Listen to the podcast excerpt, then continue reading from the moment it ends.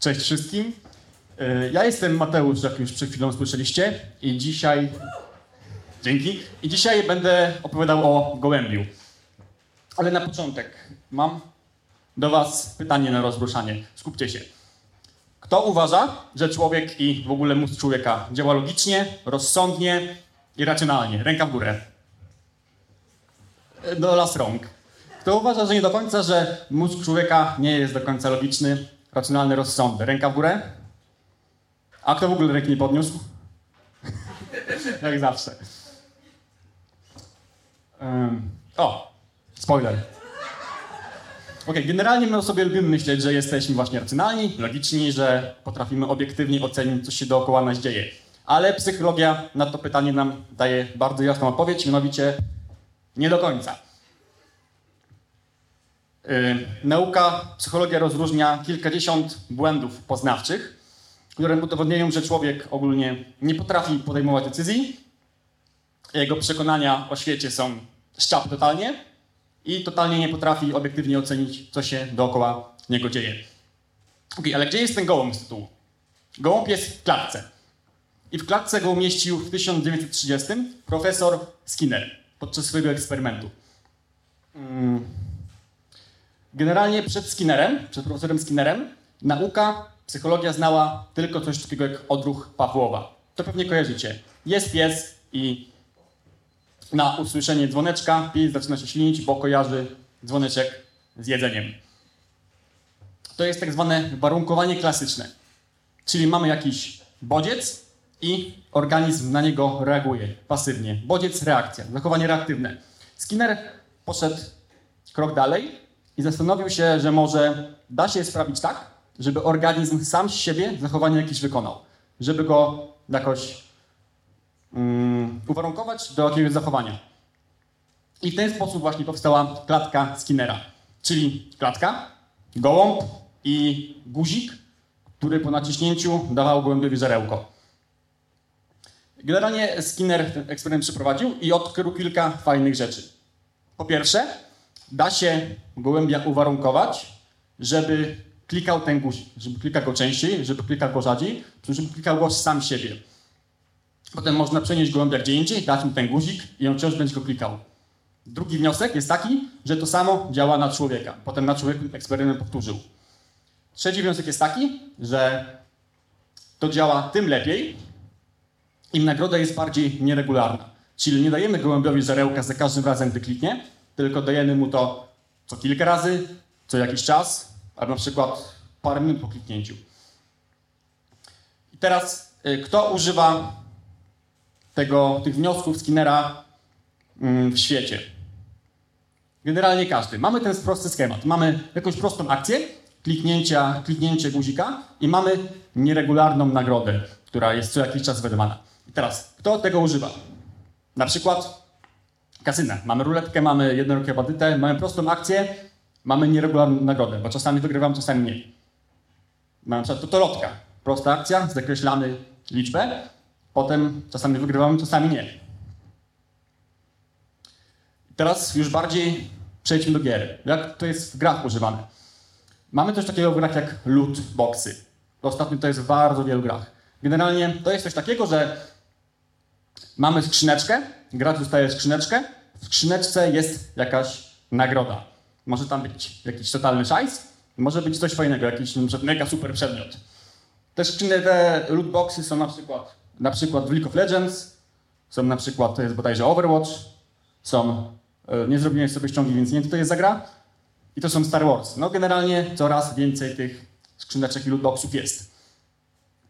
I znów, mamy ten schemacik, mamy prostą akcję, bo kupienie skrzyneczki i otworzenie skrzyneczki to jest dosłownie dwa kliknięcia guzikiem. Mamy nieregularną nagrodę, bo czasem dostajemy coś fajnego, czasem dostajemy jakiś szajs. I to jest w ogóle bardzo podobny schemat do tego, co przed chwilą mówiliśmy o kasynach. I nie jestem pierwszy, który to zauważył, bo na przykład w Belgii takie lootboxy są już totalnie zakazane, bo grają w to głównie dzieci i to, to jest bardzo takie hazardowe powiedzmy. Wielkiej Brytanii też wiem, że jest o tym teraz rozmowa, albo było jakiś czas temu o zakazaniu właśnie takich lootboxów. A na przykład w Chinach jest ograniczenie, że dziecko może kupić ileś takich lootboxów dziennie. Potem jest blokada. W Chinach jest w ogóle dużo różnych blokad, ale to może na kiedy indziej. Dalej, znowu gry. Kto w grach używa takich mm, metod? Mamy Farmville. Nie wiem, czy kojarzycie, pewnie kojarzycie. To było bardzo popularne kilka lat temu na Facebooku. To jest taka prosta gra, gdzie gracz ma farmę i klika, żeby posadzić rzepę. Po trzech godzinach klika, żeby zebrać rzepę. No i potem ma rzepę i jest zadowolony. Mamy, i w ogóle ta gra była mega popularna. Tam było kilkadziesiąt milionów aktywnych userów miesięcznie przez dobre parę lat. Zynga na tym zrobiła mnóstwo hajsu. Yy.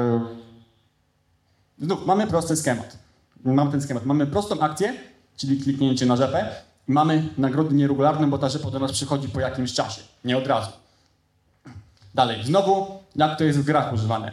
Grinding MMO. Może kojarzycie Metina? Gra mojego dzieciństwa? No, dobra, dobra ekipa. Grinding w MMO, jeśli mm, nie gracie w MMO, to jest z definicji, to są definicje jakieś proste czynności powtarzalne, które pozwalają graczowi zebrać nowe przedmioty, nowy poziom, jakieś dodatkowe punkty doświadczenia, cokolwiek. Mm. Mamy ten sam schemat. Na przykład World of Warcraft.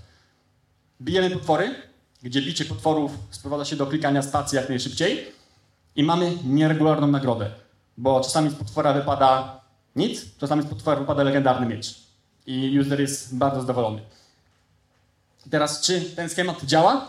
No, raczej tak, bo na przykład tak się wpisze w Google World of Warcraft uzależnienie, to wyskakuje 300 tysięcy wyników o ludziach, którzy sobie zmarnowali tej grze życie, bo klikali w paty przez, całe, przez cały czas. Ok, wróćmy sobie do tych błędów poznawczych, o których na samym początku wspominałem. Generalnie nie, nie do końca właśnie możemy założyć, że człowiek działa racjonalnie, że używamy mózgu, że potrafimy coś obliczyć, jakiś bilans zysków i strat. Nasz mózg działa bardziej w ten sposób.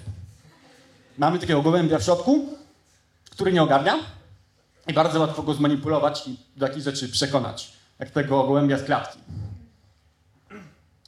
Na przykład jedną, jednym z takich błędów poznawczych jest niechęć do straty.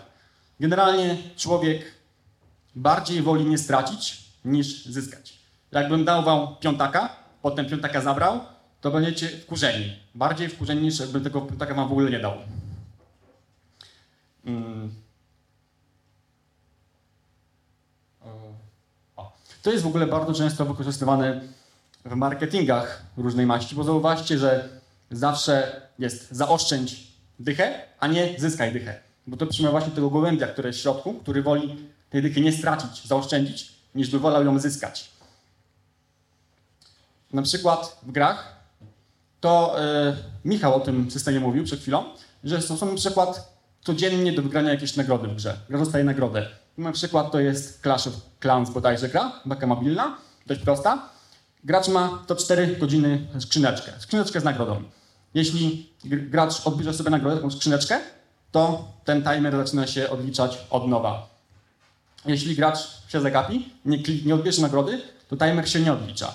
Czyli gracz, który się zagapił, ma stratę w stosunku do gracza, który się nie zagapił i kliknął to od razu. Ma tych nagród skrzyneczek więcej. To jest znowu przemówienie do naszego gołębia w mózgu, żeby gracz faktycznie 4 godziny wchodził i klikał te skrzyneczki, żeby grę jak najczęściej odwiedzał. To w ogóle nie wiem, czy kojarzycie, pewnie kojarzycie Ogame'a, Traviana, Plemiona, tego typu gry. Kto grał? W ogóle ręka w górę. O Jezus Maria. Obudziłem potwora. E, tam był podobny system ogólnie. Jak się coś budowało, to się budowało kilkanaście godzin i żeby jak najlepiej wykorzystać czas, trzeba było zbudować coś od razu po zakończeniu poprzedniej rzeczy. Bo inaczej nam się marnowało to miejsce do budowy. Ja znałem osobiście ludzi, którzy potrafili o trzeciej, nocy od trzeciej rano, nocy, zależy jak to woli, wstawać codziennie, żeby budować nową rzecz, bo inaczej by stracili w stosunku do innych. Mam na przykład w League of Legends coś takiego jak pierwsza wygrana dnia. To jest bardzo podobny system, że jeśli user się zagapi i nie wygra danego dnia, to traci jakby w stosunku do kogoś, kto był bardziej punktualny i, i, i tą wygraną zdobył. Mamy teraz grę Candy Crush Saga. To kolejna prosta gra na telefon, gracz sobie układa cukiereczki w kolumny, rządki, to potem ładnie wybucha i jest gracz zadowolony.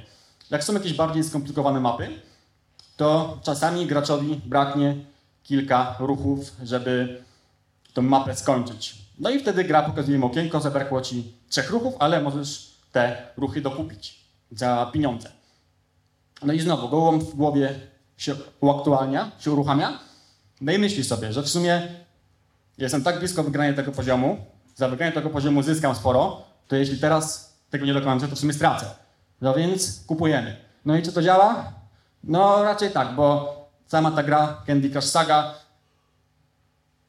835 milionów funtów jeden rok. To dużo pieniędzy jest bardzo. Bardzo dużo. Podobnie Farmville na przykład. Ta gra o sedmym rzepie, o której przed chwilą mówiliśmy. Tam, jeśli się nie zalogujemy przez kilka godzin, to nasza rzepa zaczyna usychać. Tak przez kilka godzin, bo to jest chyba dwa dni po, po takim czasie rzepa zaczyna usychać. Więc znowu, gracz, który się nie loguje regularnie, traci, bo nie ma tyle rzepy, co ktoś inny. Znów gołą w mózgu macha głową i się cieszy. Znów wróćmy do World of Warcraft, bo oni to bardzo się zetknęli z tą niechęcią do straty właśnie. Blizzard, twórca gry, w pewnym momencie sam się zorientował, że w grę gra dużo osób, bardzo, i ci gracze spędzają nad grą za dużo czasu, uzależniają się, no i coś jest nie halo. No i postanowili coś z tym zrobić. Pomysł był taki, żeby po trzech godzinach grania redukować ilość doświadczenia, które zdobywa gracz. Żeby po trzech godzinach mu się mniej chciało grać. No i nie dość, że to no, nie przyniosło efektu, ludzie grali tak samo jak grali wcześniej, to jeszcze byli wkurzeni, bo im zabierają, zabierają doświadczenie.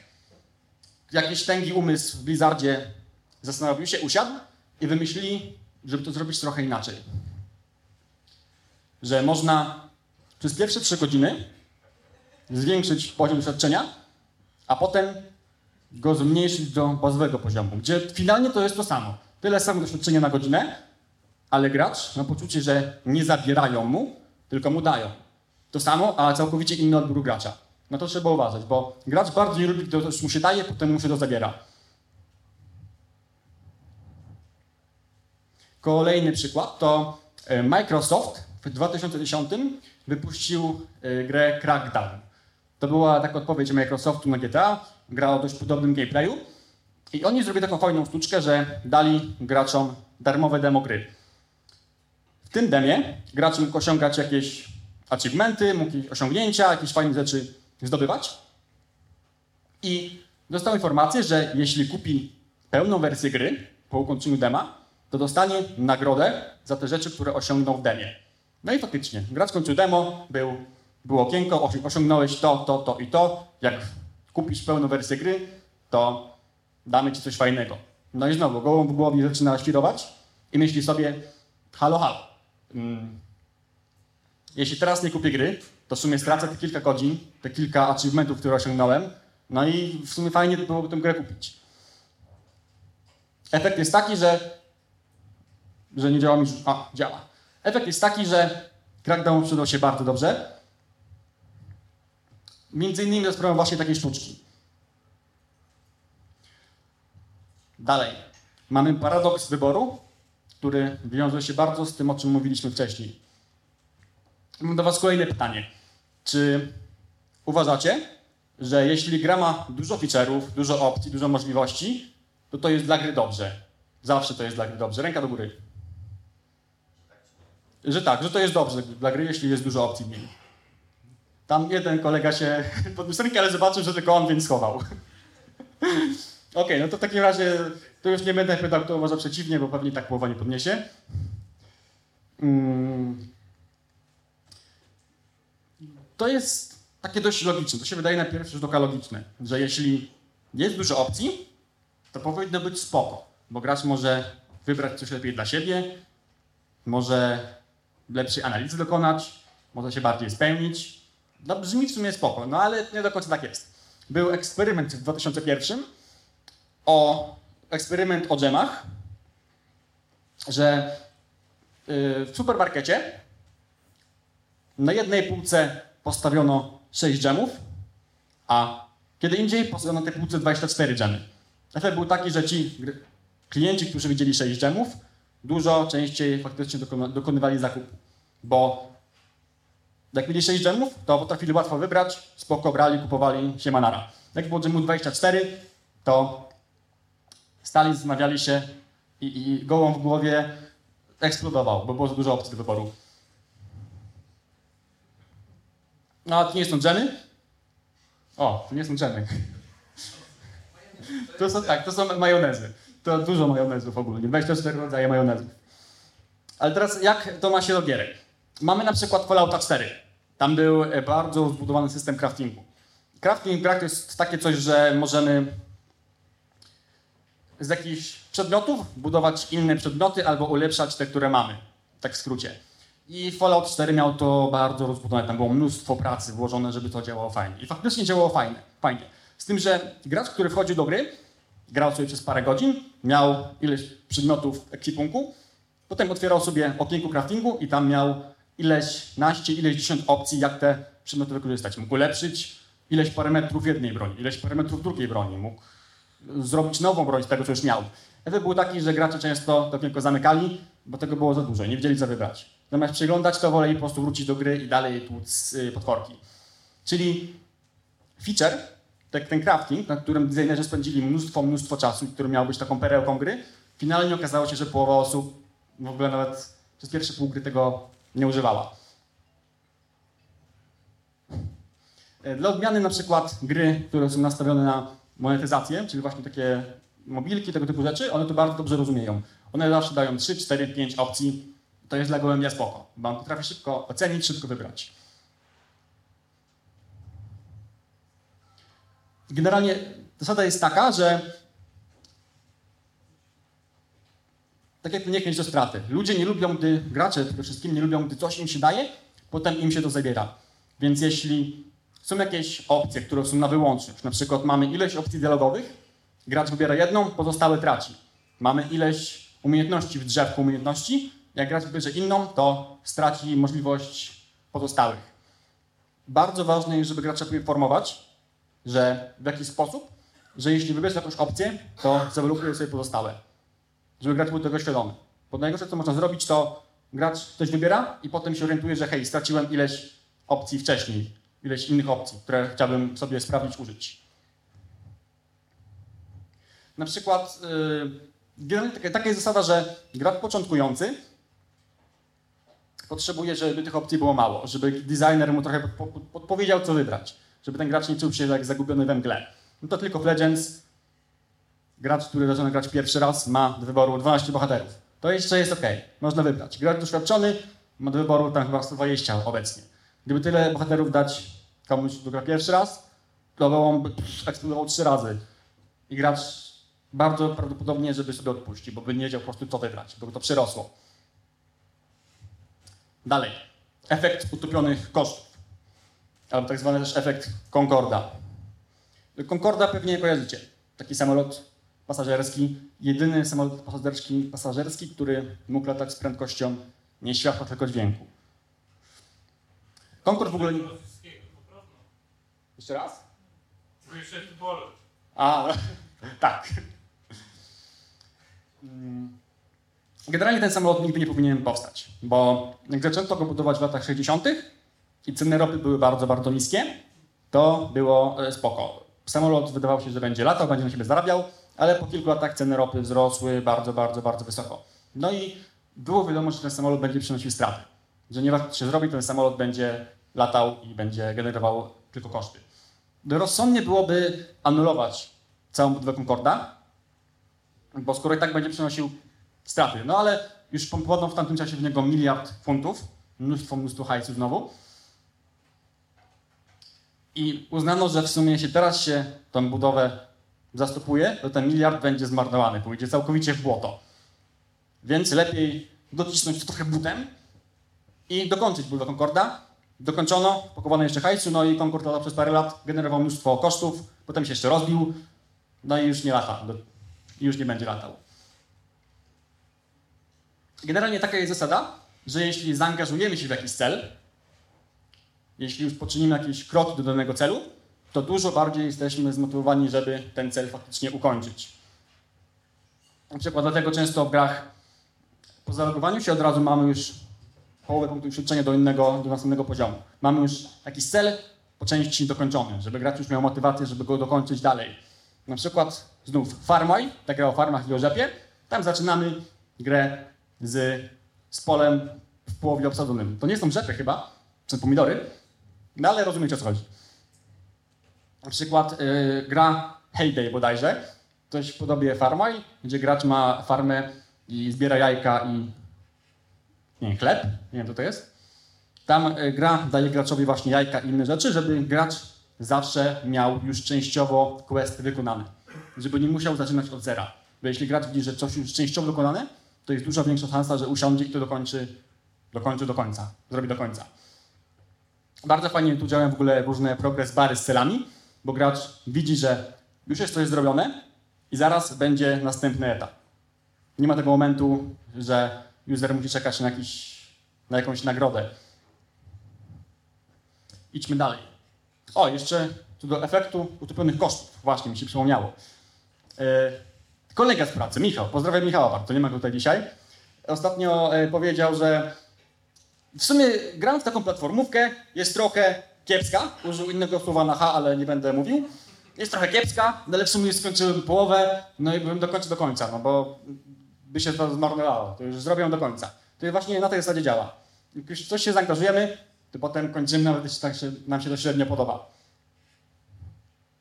Dalej. Sztuczny niedobór. Generalnie człowiek uważa rzeczy rzadkie za bardziej wartościowe. Jeśli czegoś jest, mało, to uważam, że to jest bardziej luksusowe, bardziej wartościowe. Że na przykład, że inni też chcą to mieć, dlatego tego jest mało. Był taki eksperyment z ciastkami. Już był dżem, teraz są ciastka. Był pokój. W pokoju był stół. Na stole były dwa słoiki. W jednym słoiku było ciastek cała masa, to same wieko. W drugim słoiku ciastek było bardzo mało, dosłownie kilka sztuk. Ludzie e, wchodzili do pokoju, mieli spróbować jedno ciastko, drugie ciastko z każdego słoika i potem pytano się ich, które ciastko było ich zdaniem lepsze, droższe. I większość osób stwierdziła, że ciastko jest słoika, gdzie ciastek jest mniej, było lepsze, było fajniejsze i było pewnie droższe. Mimo, że ciastka w obu słoikach były dokładnie takie same. Bo zdziałał właśnie ten efekt, że czegoś jest mniej, więc pewnie to jest lepsze. Bo na przykład tu jest mniej, mniej ciastek, bo ktoś już je zjadł. A ktoś je zjadł, bo są lepsze. To jest w ogóle bardzo często wykorzystywane w marketingu. Na przykład wielkimi czerwonymi literami macie, że zostało tylko trzy sztuki w magazynie. To jest właśnie komunikat dla gołębia, że hej, zostały trzy sztuki, bo pewnie ktoś już pozostałe wykupił, bo to jest fajna rzecz. I znowu, to jest, też o tym Michał mówił. Bardzo często wykorzystywany motyw. Mamy jakieś limitowane oferty w grach, mamy więcej limitowanych ofert w grach, jeszcze więcej i jeszcze więcej. Wszystko, żeby ten gołąb się poczuł, że muszę coś wziąć, bo inaczej stracę tę okazję. O, jeszcze więcej nawet. Czasami jest wprost napisane, coś jest rzadkie. Coś jest rzadkie, więc jest lepsze. I gdyby to się zastanawiało, czy to naprawdę działa, na przykład skiny w CS-ie, które są taką tylko wizualną, wizualnym upiększeniem, tak naprawdę w ogóle nie zmieniają gry. I w ogóle one są w tych lootboxach, o których mówiliśmy na początku. Te skiny potrafią być po horrendalnych cenach, na Allegro, na jakichś innych serwisach. I one są warte tyle tylko tego, bo są rzadkie. Nic nie noszą do gry, po prostu są rzadkie. Bardzo rzadko są w tych lootboxach. Ostatnia rzecz, to już w sumie nie do końca jest związane z tematem, ale znalazłem to wczoraj, to jest fajne, więc chciałem o tym powiedzieć. Jak można oszukiwać gracza? Ludzie, którzy grają w strzelanki, pewnie kojarzą taki moment, że na przykład macie ostatni nabój i udało wam się zastrzelić przeciwnika. Jest takie wow, wow, fajnie. Adrenalina, emocje, jest fajnie. Albo macie mało punktów zdrowia, już tyle tyci tyci, ale jakoś przeżywacie, pokonujecie przeciwnika w ostatnim momencie. I znów wchodzi adrenalina jest fajnie. Twórcy gier rozumieją to, że gracze szukają tego grach, więc na przykład w Assassin's Creedzie, gdy gracz miał tyci tyci punktów zdrowia, to gra dawała mu mega bonus do wytrzymałości, do ataku, właśnie po to, żeby w tym ostatnim momencie mógł pokonać przeciwnika. Żeby było więcej tych momentów, wow, udało mi się, w ostatniej chwili. Na przykład w Bioshocku był bardzo podobny system. Tam, gdy gracz był już na skraju śmierci, dostawał na sekundę, dwie nieśmiertelność.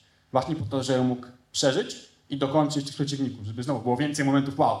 Też w Bioshocku na przykład przeciwnicy zawsze chybiali pierwszy strzał w gracza. Zawsze.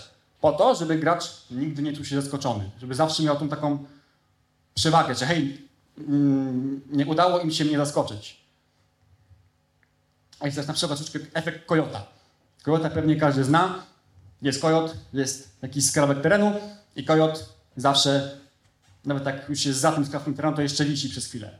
To samo się dzieje w platformówkach bardzo często, że jeśli mamy platformę gracz chce skoczyć z niej, to nawet jeśli kliknie skok za późno, będzie już za tą platformą, to i tak gra pozwoli mu jeszcze skoczyć.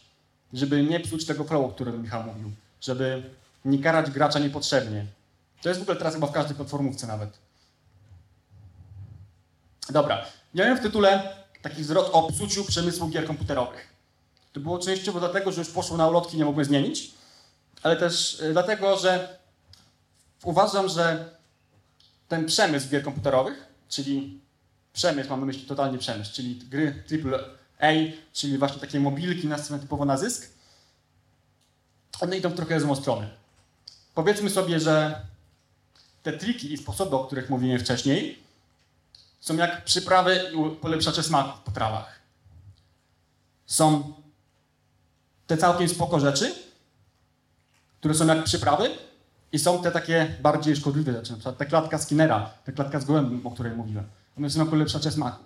I teraz jako twórcy gier, jako gracze, starajmy się, żeby nasze gry były takie, żeby były pięknymi potrawami, gdzie te przyprawy są tylko dodatkiem, które wydobywają kunszt kucharza prawdziwy, a nie, żeby były takie. Bo to jest, wygląda fajnie, jest popularne, przyciąga uwagę, ślinka sama cieknie, ale tak naprawdę to jest tłuszcz, sól, polepszacze smaku. I nie ma w tym nic wartościowego. Zupełnie jak w wielu grach, które używają właśnie tych, tych haków. O, nie w tą stronę. Dzięki.